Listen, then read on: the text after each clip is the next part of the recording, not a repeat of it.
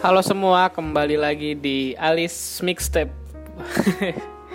Gila ya, udah hampir sebulan mungkin gue nggak bikin video ya. Ya gimana ya, susah ya. Kemarin-kemarin gue ya banyak masalah lah. Gue sakit, tugas yang luar biasa tidak masuk akal dan hal-hal lainnya. Tapi ya itu untuk ya next pembahasan aja lah nanti lah kalau gue nggak mager gue bahkan bikin episode khusus buat gue cerita gitu tentang gimana sih pengalaman kuliah online selama hampir setahun ini dan pengalaman gue terlockdown di Bandung dan segala ripuhnya itu kalau gue nggak males ya. Jadi apa namanya uh, sorry kalau misalnya nggak tahu ya kedengaran apa enggak sih? Cuman harusnya karena micnya bagus nggak kedengeran sih sombong. Di luar hujan jadi mohon maaf nih kalau sedikit-sedikit berisik hujan. Soalnya ini menunjukkan pukul 22.36 atau jam setengah 11 malam hari Jumat. Jadi mungkin podcast ini rilisnya atau ya kalau Sabtu editor gue sibuk juga kayaknya. Mungkin kalau cepat ya minggu atau enggak kalau emang delay banget Senin lah. Anyway, tadinya gue tuh sebenarnya mau bikin episode tentang dunia ini ya, vape ya, komunitas vape. Cuman karena menurut gue itu episode spesial dan gue masih kekurangan bahan riset jadi menurut gue itu nanti aja lah setelah mungkin setelah episode yang ini mungkin. Ya dua minggu ke depan lah. Untuk sekarang gue mau ngebahas tentang logical fallacy atau tipe kesalahan eh kok tipe? Atau kesalahan berlogika. Ya sekali sekali lah podcast gue ada ilmu pengetahuannya itu biar nggak bercanda bercanda doang ya oke langsung aja ya itu aja mukodimahnya gue yakin nih uh, kita pernah ada di dalam kondisi gemes ketika mendengar atau ngebaca suatu argumen. Entah itu dengan kerabat kita, dengan teman, dengan orang tua, dengan dosen ataupun siapa pun, entah di media sosial ataupun saat interaksi langsung. Kita tuh ngerasa gitu, tahu tuh kita tuh kok ada yang janggal nih dari argumen dia, tapi kita bingung salahnya di mana. Saya tahu itu salah, tapi gimana ngejelasinnya? Nah, bisa jadi nih kita itu ada di tengah mendeteksi adanya kesalahan berlogika atau logical fallacy yang memang lazim menjadi penyakit kita ketika berargumen. Siapa pun gak akan lepas dari penyakit logical fallacy ini, termasuk gua sendiri. Walaupun gua orangnya emang suka berdebat atau berargumen dengan orang ya, entah siapa pun itu, entah orang yang lebih tua, lebih tua ataupun yang lebih muda karena ya menurut gue pribadi hal itu menyenangkan gitu loh seru. Bukan karena buat ini ya bukan buat ngejelek-jelekin atau ngejatuhin orangnya tapi bertukar pikirannya tuh loh bertukar ide bertukar cara berpikirnya itu yang seru menurut gue karena itu walaupun kita sering ini juga gitu ya kena penyakit ini nih kena penyakit kesalahan logika tapi kan alangkah baiknya kalau kita bisa menjadari kesalahan kita sendiri. Bukan begitu? Eh, baku banget anjing Oke, langsung aja ya. Gua di sini bakal ngebahas tentang 15 tipe kesalahan berlogika dan contohnya ya dan cara mendeteksinya. Langsung aja yang pertama itu ada ad hominem atau ngata-ngatain. Ad hominem adalah kesalahan logika ketika kita mendebat suatu argumen dengan cara menyerang pribadi penyampainya. Kesalahan logika ini memandang bahwa argumen yang dibawa lawan itu tidak valid karena sosok pembawanya yang dinilai tidak kredibel. Misalnya nih ada misalnya lu nih lu ngomong nih ke bapak lu pak kita nih harus ini harus hemat energi. Bapak lu nanya kenapa? Nah lu balas lagi karena menurut berita nih listrik makin mahal. Terus bapak lu malah nyolot ke lu ah lu anak kecil tahu apa ya, dari contoh itu tuh kelihatan bahwa bapak lu nggak membantah argumen lu dengan menggunakan data tandingan. Malahan bapak lu menentang argumen lu karena menurut bapak lu lu masih kecil gitu atau masih muda yang nggak ngerti apa-apa. Itu jelas salah ya karena berargumen itu nggak ngelihat tua atau mudanya tapi kita lihat seberapa besar ilmu yang ada di kepalanya gitu seberapa besar tajam nalar pikirnya. Nah itu contohnya. Itu adalah ad hominem atau ngata-ngatain. Yang kedua ada bentar mana catatan gue ya yang kedua ada slippery slope alias ya nggak gitu juga kali. Nggak usah bahasa Indonya mah ya. Slippery slope ini adalah kesalahan logika ketika kita beranggapan bahwa suatu hal kecil dapat berujung pada rantai konsekuensi yang besar.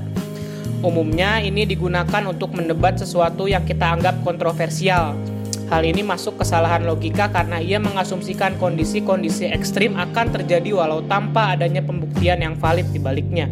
Contohnya, aduh ini mungkin contohnya agak ini ya, agak kasar atau agak-agak menyinggung lah. Cuman mohon maaf ya karena ini sekali lagi buat contoh aja.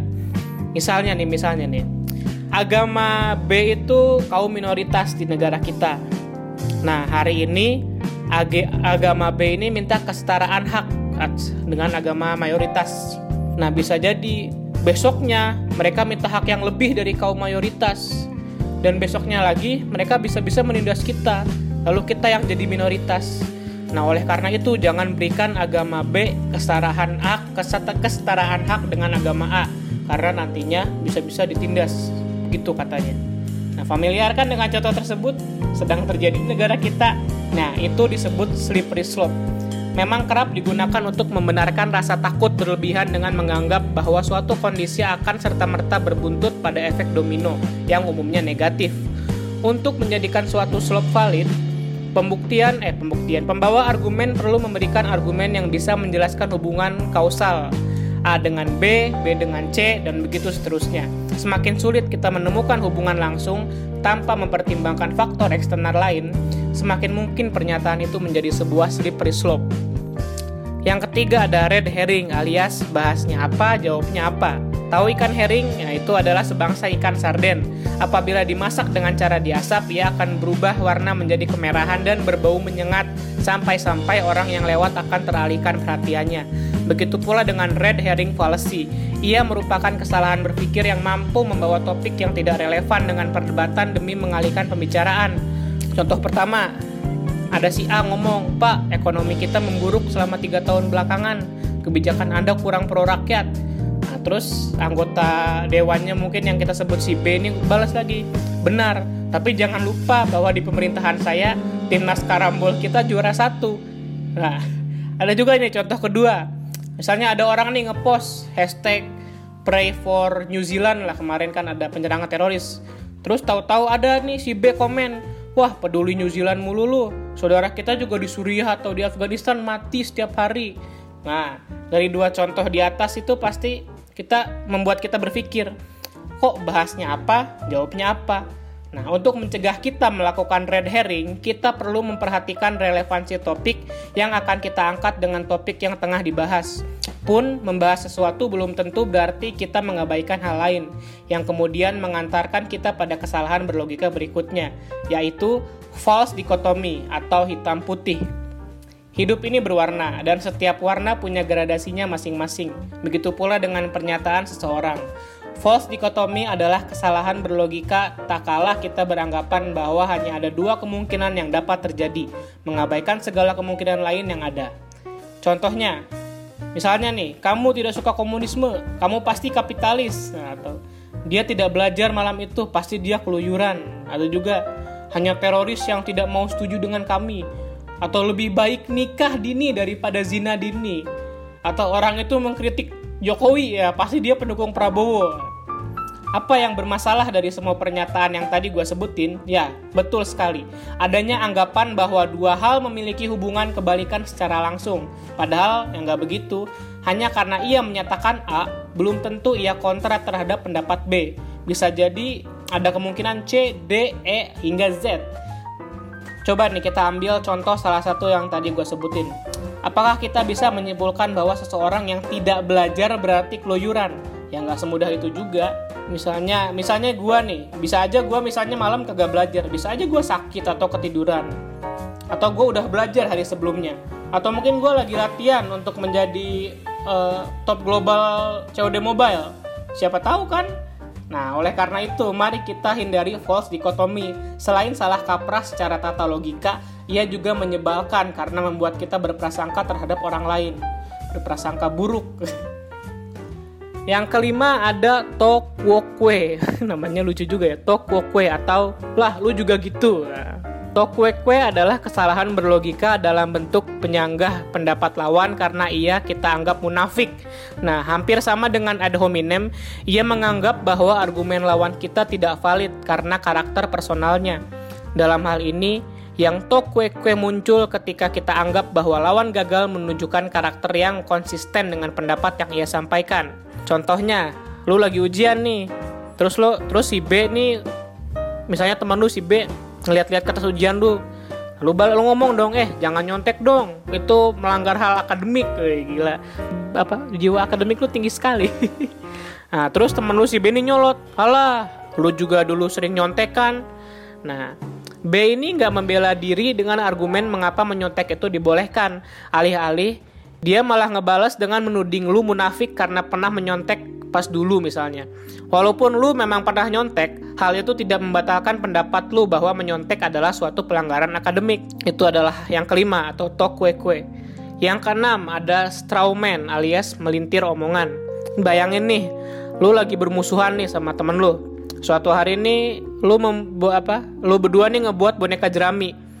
Lu kasih nama boneka jerami itu kayak nama temen yang lagi lu sebelin itu terus boneka itu lu pukulin sampai hancur itulah perumpamaannya strawman fallacy menurut gua strawman strawman fallacy adalah kesalahan logika paling menyebalkan dari semua yang ada kadangkala ad hominem maupun tok kue-kue bisa sedikit ditoleransi karena hanya diri kita yang diserang.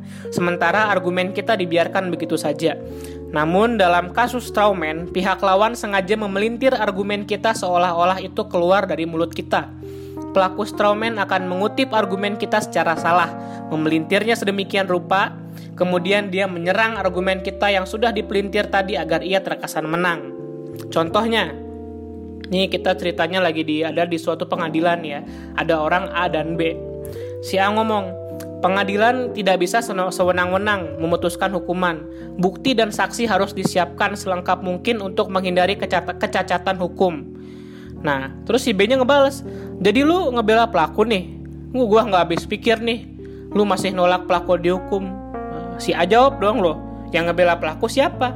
Si B balas lagi, lu. Pengadilan kok mau dilemahkan demi mendukung penjahat? Lo. Tahu kan salahnya di mana? Ya, betul. Si B salah menerjemahkan argumen si A, lalu menyerang A berdasarkan tafsirannya sendiri. A menginginkan proses hukum yang adil, sementara B memelintir argumen A seolah-olah ia membela pelaku kejahatan. Selain menyebalkan, strawman juga relatif sulit terdeteksi karena kita perlu teliti untuk tidak terjebak pada pelintiran tersebut. Oleh karena itu, untuk menghindari strawman, kita harus paham betul argumen kita dan jangan sampai terbawa emosi. Itulah tadi strawman yang keenam. Sekarang yang ketujuh No True Scotsman atau bukan golongan kami. Wah, ini sangat familiar ya kata-katanya. Yang satu ini mungkin memang cukup akrab dengan kita ya. No True Scotsman adalah sebuah kesalahan berlogika ketika kita mencoba mempertahankan sebuah generalisasi sekuat mungkin. Sampai-sampai menolak segala contoh yang berlawanan sebagai pengecualian dalam generalisasi kita generalisasi sini gue ngomong belibet banget dalam generalisasi kita tersebut masih bingung. Nah ini gue contohin ya. Ada biasalah kita sebut ada orang A dan orang B. Si orang A ngomong nih kelompok kami itu nggak pernah melakukan kekerasan. Nah terus tiba-tiba si orang B ngomong nih weh gue kemarin dikeroyok anggota kelompok lu. Nah si A ngomong lagi weh orang itu mah bukan golongan kami itu bukan kelompok kami. Nah familiar kan? Sering terjadi juga. Nah itulah. No true Scottman Umumnya, no true Scotsman ini kita temui dalam kasus-kasus ketika ada sekelompok orang cuci tangan atas tindakan buruk yang telah dilakukan sesamanya. Hal ini merupakan kesalahan berlogika karena menolak bentuk kritik valid untuk yang ditujukan kepada suatu kelompok. Akhirnya, semeyakinkan apa pun bukti yang dihadirkan, pelakunya pasti terus matain hal itu. Itu adalah no true Scotsman. Yang kedelapan ada anekdotal alias gua sih beda. Kesalahan berpikir anekdotal adalah ketika kita menggunakan pengalaman pribadi untuk menyanggah suatu argumen, alih-alih menggunakan data yang dapat dipertanggungjawabkan. Contoh, aduh ini contohnya juga agak-agak ini gue merasa terserang nih kena adek anekdotal ini. Gue sering gua, karena gue sering melakukan kesalahan logika ini juga. Contohnya nenek gue ngerokok dan sehat-sehat aja tuh sampai usia 90 tahun. Nah, berarti merokok tidak merugikan kesehatan atau itu pemanasan global itu hoax. Kemarin kota saya turun salju. Atau wah saya nggak usah vaksin corona lah. Saya juga dari kecil nggak divaksin influenza atau polio nggak apa nggak pernah kena tuh. Nah di mana masalahnya? Tentu saja karena pengalaman personal belum tentu dapat menjadi generalisasi yang sah bagi setiap orang. Untuk menarik sebuah kesimpulan, diperlukan sekumpulan data yang dapat diterapkan dalam kondisi-kondisi lainnya. Soal imunisasi misalnya, kita tak dapat menyimpulkan bahwa ia tidak berguna hanya karena kita tidak diimunisasi dan masih sehat. Sanggahan yang valid adalah apabila kita mampu menunjukkan bahwa tidak ada hubungan antara imunisasi dan menghilangkan suatu wabah. Itu adalah apa? Aduh, itu adalah anekdotal atau gua sih beda. Yang kesembilan ada appeal to authority atau derek mawon. Kesalahan berlogika ini terjadi ketika kita menganggap sesuatu benar hanya karena seseorang berpengaruh mengatakannya. Misalnya, tingkat korupsi pemerintahan kita tinggi, pemimpin oposisi yang ngomong pasti jadi itu pasti benar atau bumi itu datar seorang tokoh agama menafsirkan seperti demikian jadi itu pasti benar atau negara kita terbaik di dunia si Pak Jokowi yang ngomong pasti bener karena dia presiden. Nah, itulah apel to authority. Apel to authority menjadi bermasalah karena ia menempatkan penarikan kesimpulan pada otoritas seseorang, bukan pada valid valid validitas klaim.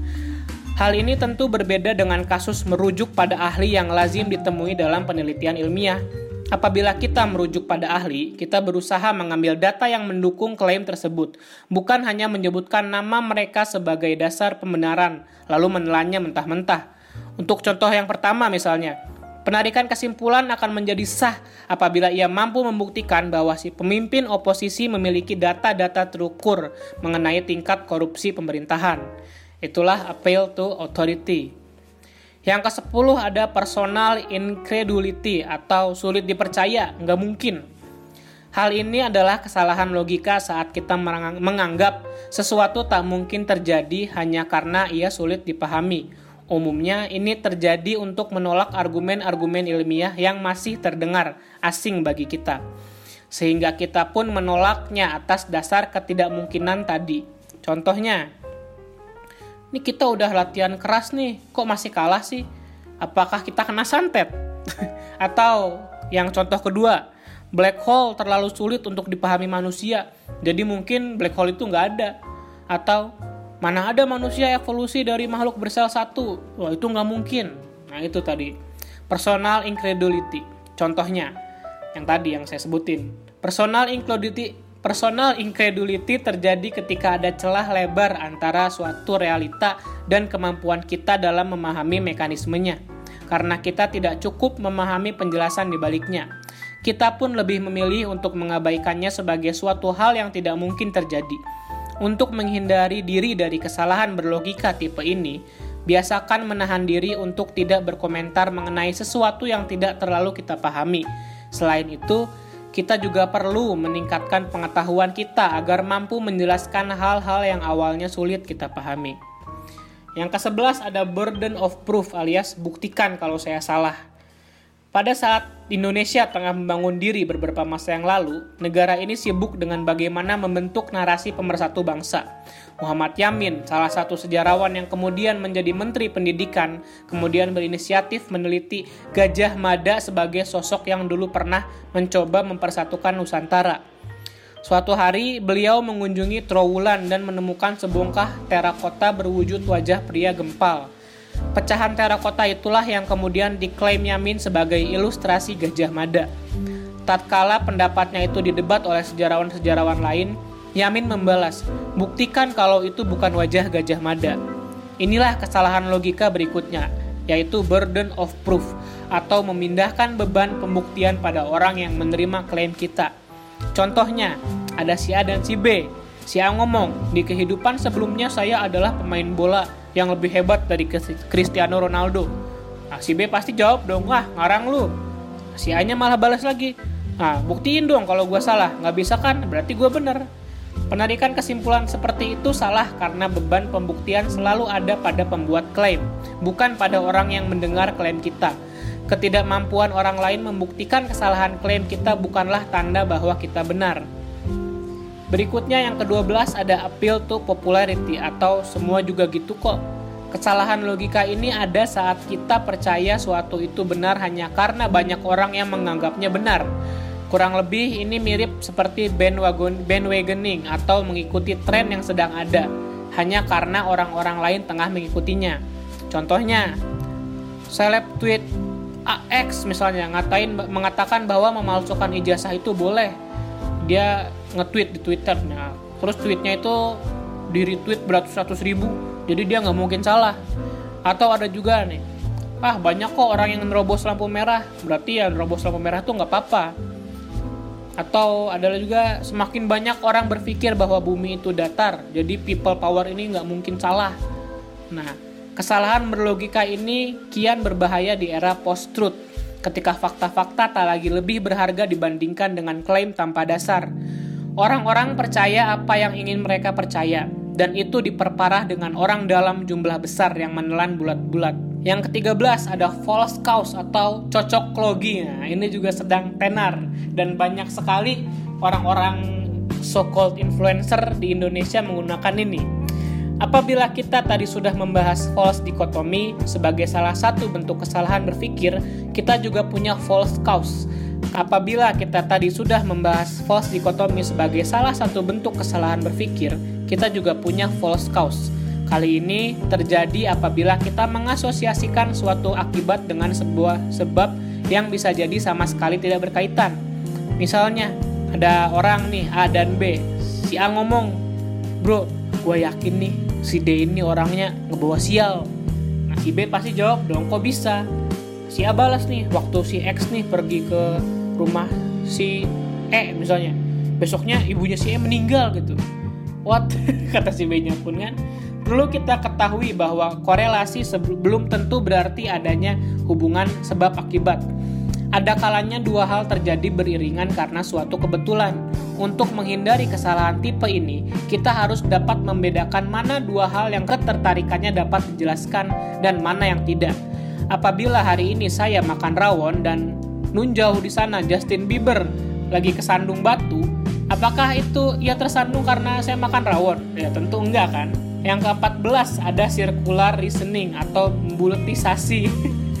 Kesalahan logika ini muncul ketika kita membuat argumen dengan suatu pernyataan, lalu pernyataan itu kita gunakan pula sebagai kesimpulan di akhir. Circular reasoning masuk ke dalam bentuk kesalahan logika karena baik pernyataan maupun kesimpulannya sama-sama memerlukan pembuktian yang sah. Contohnya, ada si A dan si B. Si A ngomong senior selalu benar. Si B jawab, lah kok bisa? Si A balas lagi, karena senior berkata demikian si B balas lagi loh kamu kok bisa nyimpulin kalau dia nggak ngibul si A jawab lagi karena senior selalu benar dari contoh tadi kita dapat lihat bahwa argumen A berputar-putar dengan format P benar maka Q benar Q benar maka P benar ia nggak berusaha memberikan alasan valid mengapa senior selalu benar namun berlindung di balik permis kedua bahwa senior berkata demikian yang kelima belas atau terakhir, ada the fallacy fallacy alias argumenmu cacat. Bye. Setelah kita membaca panjang lebar contoh-contoh kecacatan logika di atas, jangan lupa bahwa ada sebuah kesalahan lain bernama the fallacy fallacy. Apa maksudnya? Gimana itu? The fallacy fallacy adalah kesalahan logika ketika kita menganggap suatu hal salah hanya karena penarikan kesimpulan yang cacat. Terus, apa gunanya dong kita tadi belajar tipe-tipe kesalahan logika? Nah, sebelum kalian merasa sia-sia mendengarkan podcast yang mungkin panjang ini, kita lihat contohnya. Contohnya, biasa ada si A dan si B. Si A ngomong, jangan makan gula kebanyakan, nanti gendut. Si B jawab, ah nggak percaya gue. Si A balas dong, ih dibilangin kok.